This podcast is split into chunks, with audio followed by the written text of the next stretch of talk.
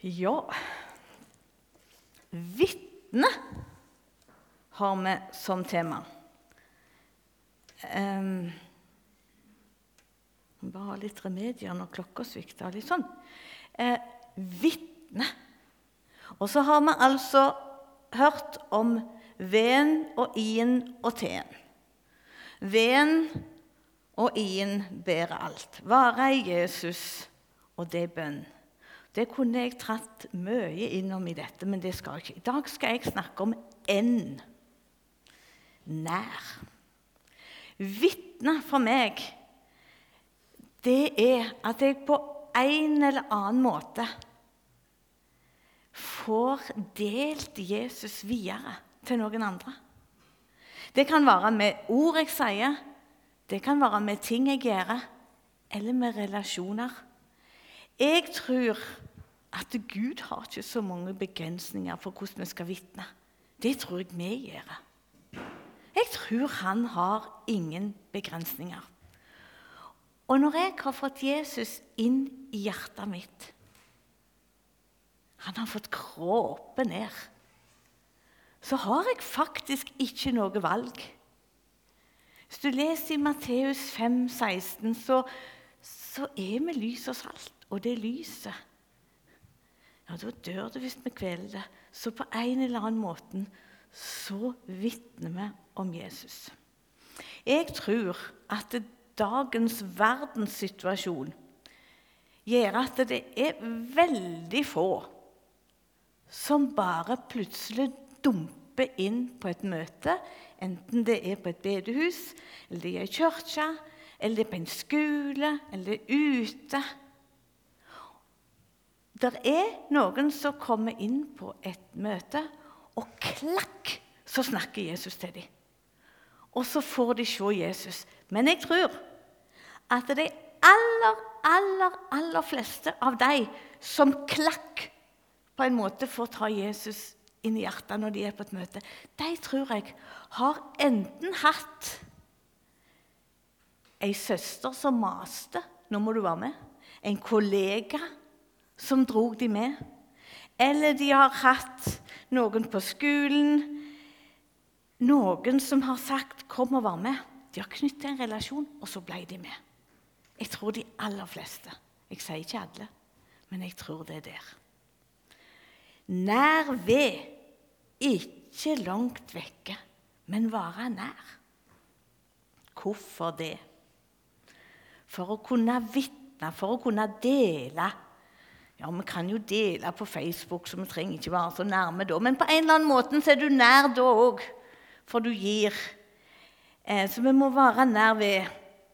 Jeg syns det er enkelt når jeg kommer her og sier hei.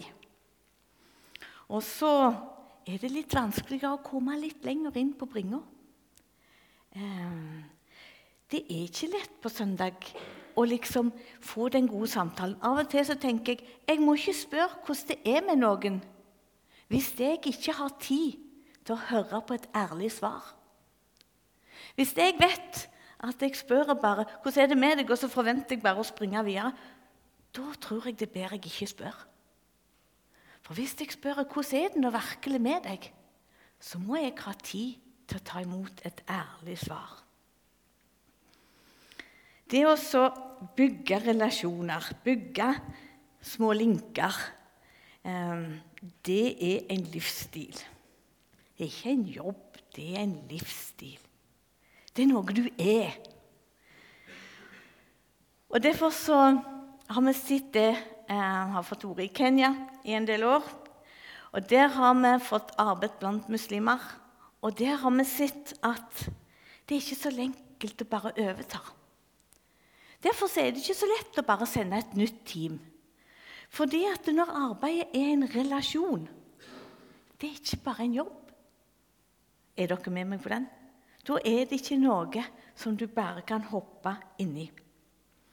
Så var det litt rart, litt godt, veldig godt.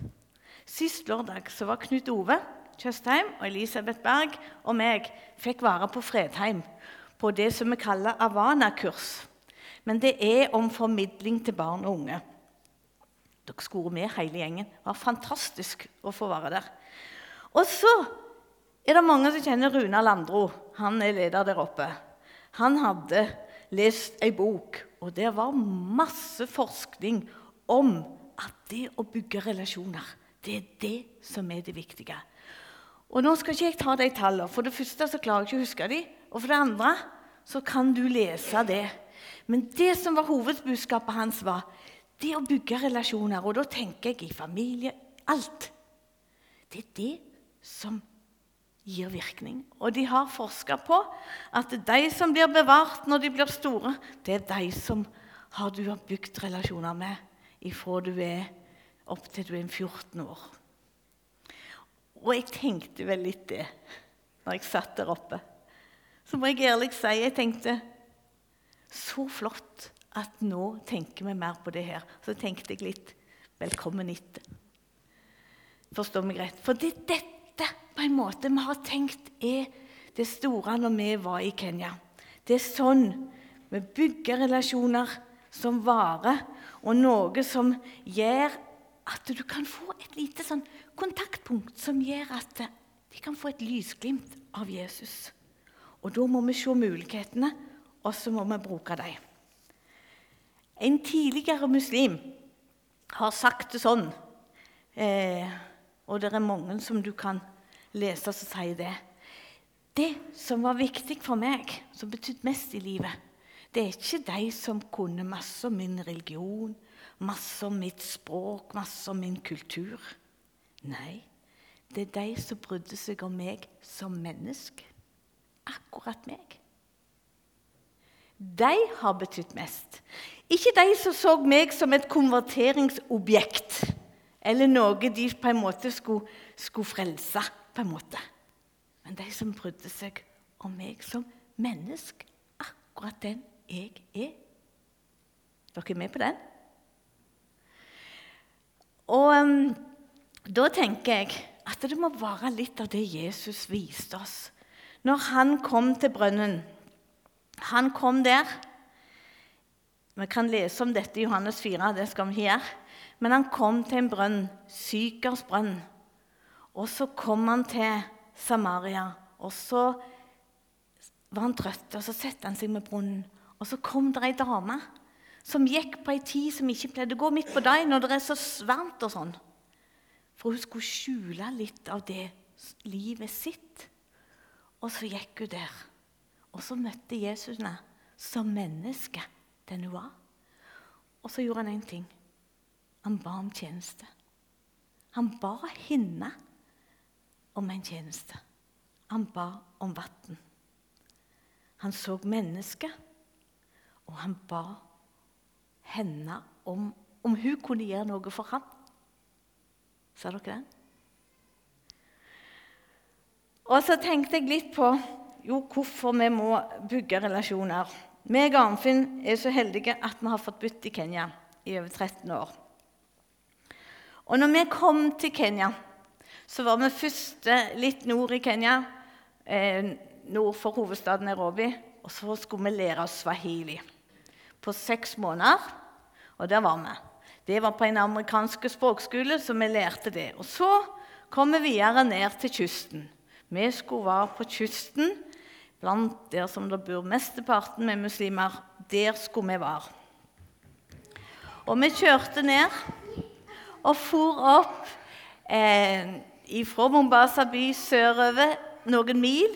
Og så kom vi til en liten plass, og så for vi langt opp gjennom. Ei mil. Selv om jeg er fra Indre Erfjord, så var det faktisk ganske langt ute i bushen. Eh, det var Du sto der. Og ennå det at du hadde rundt Men du kjente jo ingen. Ingen.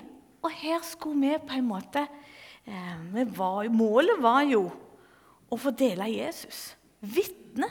Det var jo det. Det var jo derfor vi hadde reist.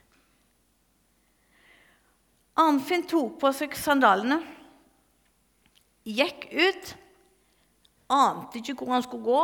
Han gikk bare en runde. Karibu, sa de. Velkommen. Og Arnfinn gikk inn. Og der er det jo så varmt at det er veldig godt å sitte og ete ute på verandaen eller rett ut forbi huset der. Så Arnfinn han labba bort. Karibo han gikk bort, og de lagde plass, og han satte seg ned og åt.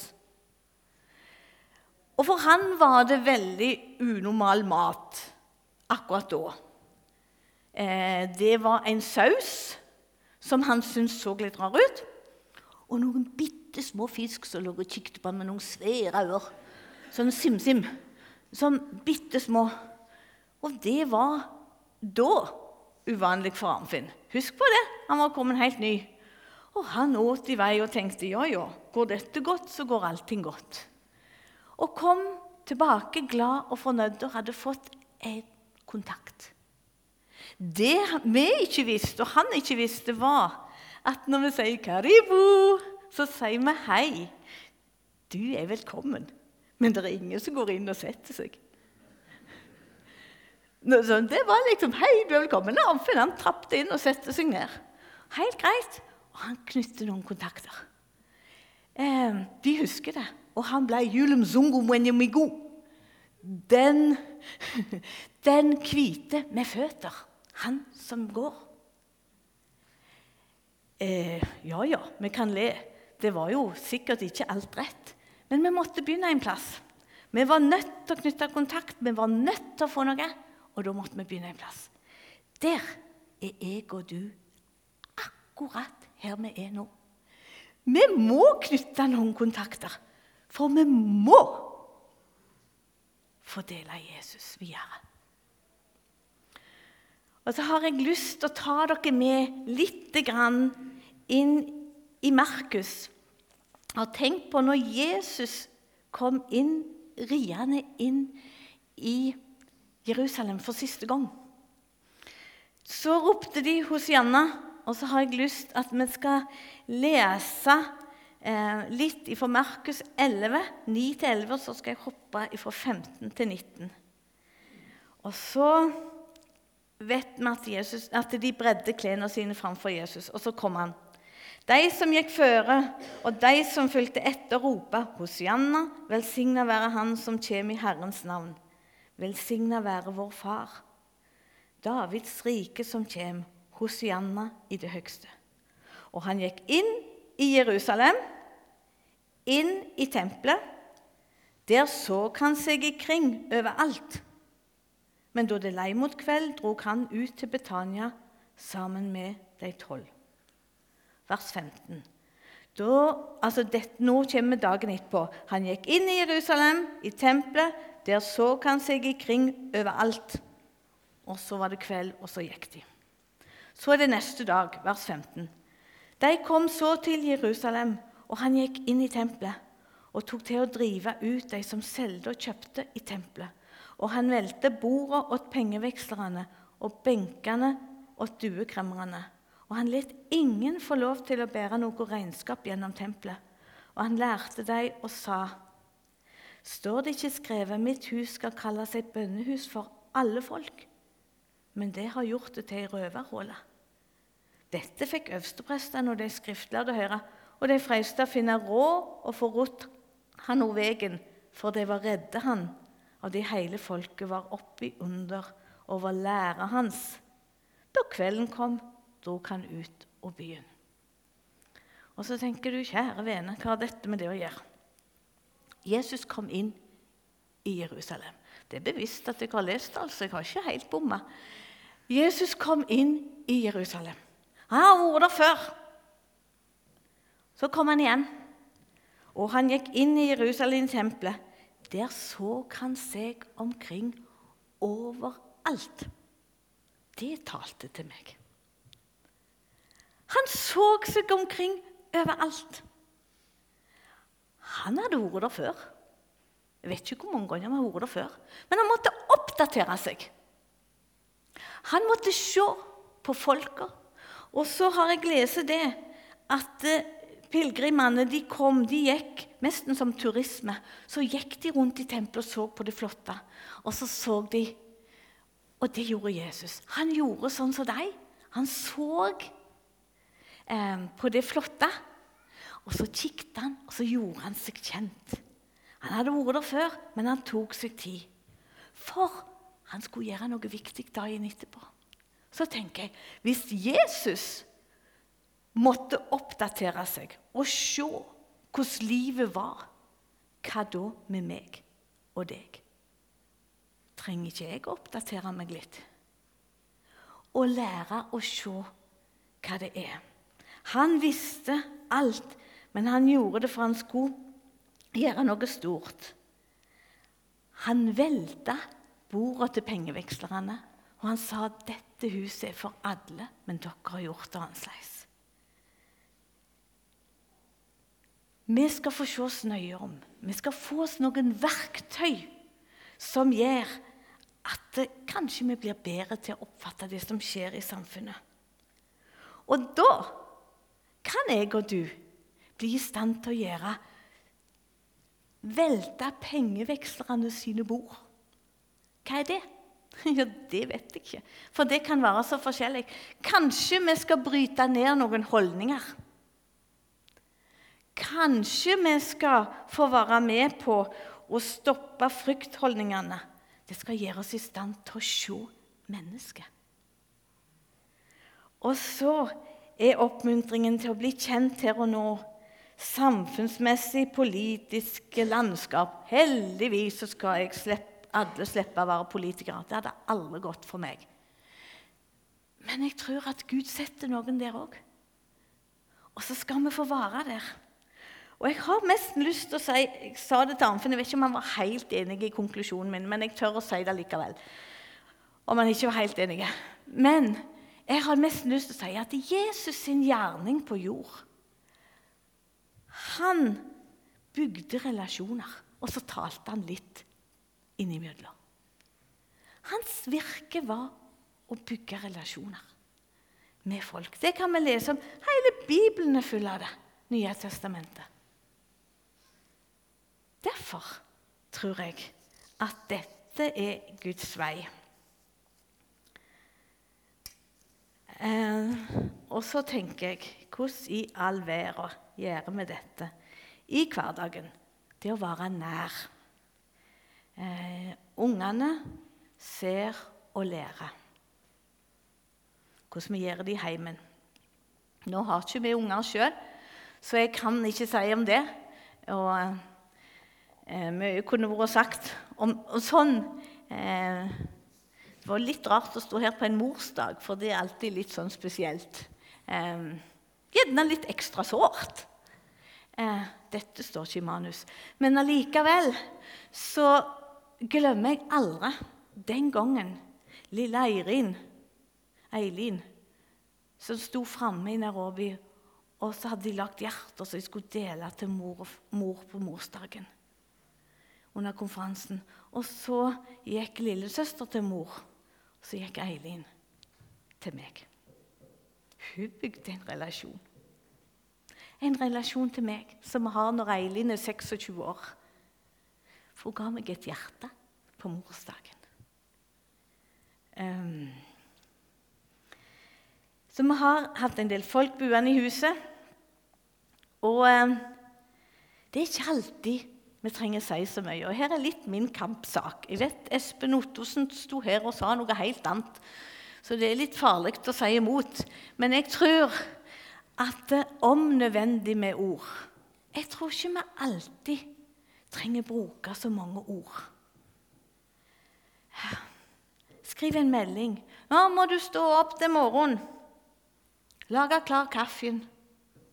Det kan være dine unger, det kan være noen som bor hos deg. Smørje skiva. Og så ber vi sammen, hører P2-andakten sammen i bilen, og så kjører vi. Det kan være å stå sammen i tunge tider, i psykisk tøffe tider. Det kan være rus, det kan være skilsmisse. Og da er jo selvsagt i-en i bønn som bærer det hele. Og så tenker jeg, Hvem er det vi gjør dette for? Hva relasjoner er det vi snakker om? Da tenker jeg alle. For det er så forskjellig hvordan Gud legger det ned. i oss. Det er familiekollegaer, nye landsmenn, de som er ukjente. For alle så tenker jeg dette gjelder. Og så tenkte jeg Vil du ta posen til meg? Eh, og så tenkte jeg på en kontakt som jeg har i Takk. I, i Sandnes. Jeg har bare litt lyst til å si jeg aner ikke hvor den kontakten fører hen. Men jeg tenkte jeg må jo være litt konkret her. Eller så tenker dere bare at ja, ja, dette var bare ord. Um, jeg, et menneske som jeg ble kjent med gjennom en, en som underviser, en felles bekjent, møtte. Var så vidt vi hjemme om. Og så skulle vi bygge videre. Jeg vet med nauet hva hun heter, men jeg har mobilnummeret. Så skulle vi møtes. Og så så jeg dette går ikke, men så var det hun som kansellerte. Så var det nye meldinger rundt jul, og så var det en ny melding. Sist kan jeg komme? Nei, det passer ikke. Så tenker jeg Arnfinn sier 'go with the flow'. Følg med i flyten. Altså eh, I Guds time. Men vi må ta noen valg. Jeg aner ikke hva den kontakten fører til. Men tenk om en dag hun som er muslim En dag, kanskje, kan hun få se et glimt av Jesus. Fordi at jeg ikke gir opp å skrive meldinger. Så enfoldig er jeg i min tro at jeg tror at det er den måten han vil vi skal være nær. Nær til folk eller i huset. Eh, se hverdagslivet. Jeg vant på søndagsskolen, jeg vet du, og da husker du så mye bedre hvis vi har noe å vise. Eh, Håndkle nå. At gjerne kan få lov å bo i lag med oss. Bruke de håndklærne vi har. Drikke, ete sammen.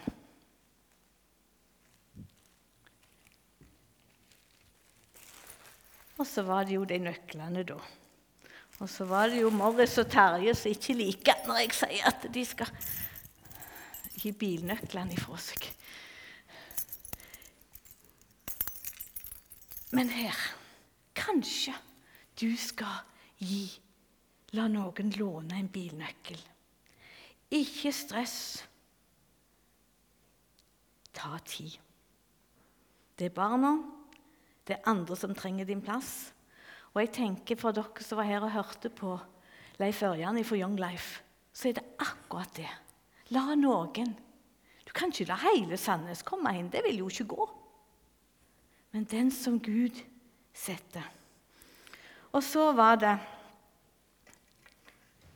litt kjøtt på beina. Evangelisten Philip i apostelgjerningene. Det er ikke apostelen Philip en av de tolv. Men det er evangelisten Philip, en av de sju, som ble tatt ut til diakoniarbeid. Han Philip, evangelisten. Så ble det så store forfølginger etter Stefanus ble drept for sin tro. Og så ble de spredt.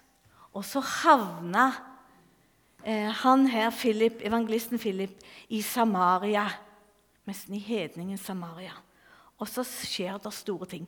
Det var liksom et sjokk. Tenk at ikke-jøder eh, sto i vekkelse. Så var det mange som begynte å ta imot. Og så ble den kjempestor De fulgte sikkert mye mer enn brannstasjonen. Og så sto han der, og så var han leder for dette. Og så har jeg lyst til å lese fra apostelgjerningene 8, vers 26. Men en Herres engel taler til Philip og sa, Bryt opp og dra mot sør, på den veien som går ned fra Jerusalem til Gaza. Det er en øde vei. Philip brøt opp og drog av sted. Og se, en etiopisk hoffmann, en mektig embetsmann, som hadde tilsyn med skattkammeret se den etiopiske dronninga Kandake, var kommet til Jerusalem for å tilbe. Han var nå på heimvegen og satt i vogna si og las profeten Jesaja. Da sa ånden til Philip, 'Gå dit bort og hold deg nær til den vogna.'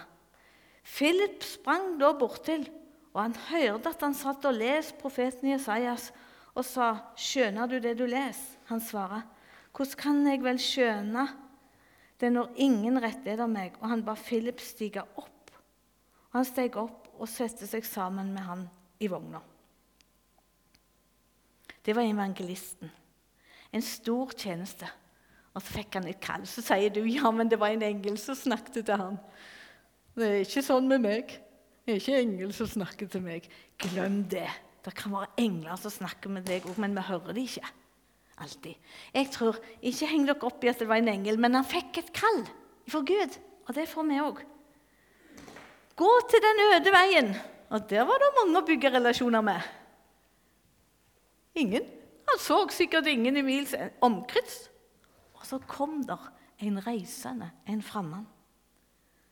Og så står det det at han, Gud sier til ham, 'Gå dit bort og hold deg nær til den vogna'. Jeg vet at i andre oversettelser så står det 'hold deg tett inntil'. Men glem det. Det er det samme. Det å holde seg nær. Han skulle holde seg nær til vogna. Og jeg ser for meg Philip. Kan tro han sprang. Jeg vet ikke hvor fort den vogna gikk, jeg. men han måtte iallfall gjøre noe for å klare å komme nær. Andpusten var han sikkert. Og så sprang han. Og så måtte han høre hva språk snakker han? Det er ikke sikkert han visste. Hva språk skal jeg ha? Og så lytta han. Og så kom han så nærme. Og så sprang han Skjønner du det du leser? For han hørte han lese faktisk i Bibelen. Og jeg tror vi kan bli overraska. Folk venter på å bli spurt om å være med. Folk sitter og leser. Skjønner du det du leser? Nei, hvordan i all verden kan jeg det, svarte han. Det er jo ingen som forklarer meg. Og så bygde jeg en relasjon, og så fikk han gi noe. Gud skaper situasjoner. Det tror jeg han gjør. Og kanskje vi skal være litt flinkere til å telle dem og se dem. Å bygge relasjoner kan begynne med et vink, en prat, en SMS, et treff. Barnebarn, barn, relasjon. Låne Kanskje ber vi en tjeneste. Kan jeg få låne? Det er gjerne ikke så lurt å spørre alle her i Norge om å få låne bilen deres, men jeg er så dum jeg gjør det òg, jeg. Men en tjeneste Kan du hjelpe meg med PC-en? Noe vi trenger å ha gjort. Jesus ba om vann. Det var livsnødvendig. Kanskje meg og deg kan be om noe. Og så ble det så flott. Den Chris Du på konferansen som vi var på, sa det kan være krevende med de vanskelige spørsmåla, men begynn med de lette. Ha-ha. Det er flott. Hvis du syns det er vanskelig å snakke om de store tinga, de vanskelige, begynn med de lette. Hvordan er det på jobben? Hvordan går det i heimen? Hvordan er det på skolen? Altså, begynn med de lette. Du trenger ikke hoppe rett på om treenigheten. Altså, ta det med ro. Layback, sier Arnfinn. Hmm. Du ser jo det, at du kan få være deg sjøl, være et medmenneske. Ikke prøv å være noen annen. Men la deg forplikte å være den som Gud har skapt deg til å være. Og dere ser jo, Jeg har fått lov å bruke den, fordi at meg og Arnfinn er jo sammen i dette livet. Men dere ser jo at vi er veldig forskjellige. Eh, sånn er det bare. Og den måten du knytter relasjoner på og med, så sier han for det går ikke an å overta. For det må bygges. Derfor er akkurat du så viktig i den relasjonen du kan ha. De andre de skal bygge med andre. Men du er skapt for akkurat noen. Og jeg vet det er mange her inne som har gjort dette i mange år. Ikke gi opp. Fortsett. Fortsett. Men bli oppmuntra. Det er noen valg vi må ta. Vi må velge å bruke tid. Eh, og så har det med den livssituasjonen vi er i, livet vi er i. Det er forskjellige stadier. Det kan være forskjellige barneskole, du kan være på studier, etablering, du har fått barnebarn, eller du har lånte barnebarn. sånn som jeg har. Du har full jobb. Du har kanskje blitt pensjonist. Du er gjerne syk, tatt litt til sides. Du er aktiv innen idretten. Altså I akkurat den situasjonen du er i, der er vil Jesus ha deg. Og så er det noe fantastisk som jeg må få lov å ta med. Jesus gikk med læresveinene sine. Hva det jeg sa? Han, hans virke var å bygge relasjoner. Og så talte han litt innimellom. Han gikk med de i tre år, og så sto de på toppen. Nå var han oppstått. Så sto de på toppen av fjellet. Og så er jeg i Matteus 28, i vers 17. Og da de fikk se han, det er når Jesus skal opp til himmelen, da de fikk se han, falt de ned og tilba han. Men somme tvila. Og Jesus steg fram og sa til de som tvilte, 'Gå hjem, dere passer ikke her.' Nå kikket de opp. Der står ikke det. Og Jesus steg fram og talte til dem og sa, 'Jeg har fått all makt i himmelen og på jorda.' Gå derfor ut og gjør alle folkeslag til læresvein, med de det døyper deg til navnet åt Faderen og Sønnen og Den hellige ande, og lærer deg å holde alt jeg har båret dere. Og sjå, jeg er med dere alle dager så lenge verda står. Her syns jeg det er noe oppsiktsvekkende, noe fantastisk. De så Jesus den oppstandende, og så falt de ned. De tilba han. Somme tviler. Hvorfor står det i Bibelen? Ja, Det tror jeg er fordi at det er sikkert noen blant oss òg som av og til tviler. Men så sa ikke Jesus Han silte ikke ut dem. Han sa ikke 'gå hjem, gå vekk, dere kan jeg ikke ha'. Det står ikke det i min bibel, selv om jeg prøvde å lese det. Men han steg der, og så sa han til alle, og til de som tvilte De fikk samme oppdraget og samme løfte. Han skal være med alle dager. Derfor er jeg og du så viktig akkurat der vi er, å være nær til andre.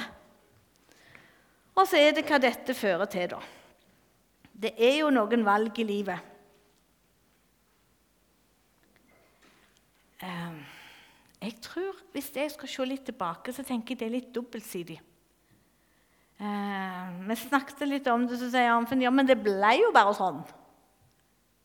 Ja, OK. Det har blitt sånn. Vi kan bo på forskjellige plasser. For oss har vi fått bodd i Kenya og i Norge. Og det kan være forskjellige folk. Det kan være forskjellige folk når vi bor i Sandnes. Altså, Når vi bor i Sandnes, så kan det være forskjellige folk som han vil vi skal ha kontakt med. Selv om vi bor på samme plassen. Um, og så er det det. Det ble litt sånn. Men likevel så er det noe aktivt vi må gjøre. Vi må prioritere tid. Kanskje Kanskje vi må bytte vekk noe som vi ville brukt på oss sjøl. Og så må vi lytte til hva Gud viser oss. Av og til så må vi utsette et besøk vi hadde planlagt. Vi skulle, det var noen som ville komme på besøk i går, men da sa han det går ikke. Så, um, vi må ha noen ganger så må vi sette sånn, og andre ganger så føles det rett å bare kjøre på og bli oppkvikka. Prioritering av tida. Og så har jeg lyst til å si når det gjelder det å bruke tid på andre i forhold til tid på seg sjøl, så er det ingen fasit. Vi Jesus vil at vi skal få hvile på hans fang. Og Det som kom mest fram på konferansen sist helg, det var ta vare på familien din. Familien det er den viktigste relasjonen. Så jeg sier ikke at du skal prioritere vekk familien. Også andre. Det, det hadde jeg så lyst til å si. Ikke forstå meg sånn. Um, og så er det lov å bli trøtt. for det om det er kjekt. Det er lov. Det er min svigerfar sitt gode råd. Det er lov å bli trøtt for det om det er kjekt. Og så får Jeg tror jeg vil si det sånn. Jeg har fått noen ekstra bekymringer. Men så har jeg fått så utrolig mange velsignelser. Og jeg er ikke fasit på dette. Jeg hadde bare lyst til å dele litt av det som, som jeg føler Jesus sier til meg i Bibelen. Og at vi skal få lov å dele, være nær, slik at de som blir venn med meg, òg kan bli venn med Jesus. Og så er det ei bønn som jeg er glad i. Jeg hver dag kan få be at jeg må leve sånn. At en i dag må takke Gud for at jeg er til. Og Jeg har prøvd den bønna en stund, og jeg vet ikke, men jeg tror det gjør noe med meg når jeg kan få lov å be. At noen må se Jesus gjennom meg i dag. Så er det gjerne en hindu på jobb som sier du, hva står det i Bibelen? Og så får vi noen små. Ber, kjære Jesus, takk fordi at du er den du er. Du bygde relasjoner. Du, den største er at du vil ha noe med oss å gjøre. Og så ber jeg Jesus om Du har sagt at vi skal få hvile på ditt fang. At ikke, det er ikke noe stress. Du vil bare ha oss der, slik at vi kan få lyse din kjærlighet ut. Så ber jeg Jesus om at du kan få røre med oss, og at du kan få la dine ord stå igjen, og ikke mine. Og så ber jeg Jesus om at jeg måtte få leve sånn i dag at noen må takke deg fordi at jeg er til, og at noen kunne få se deg gjennom meg. Så ber jeg for oss alle. Kjære Jesus, la oss få lov å dele tid og liv med andre som du er så glad i. Amen.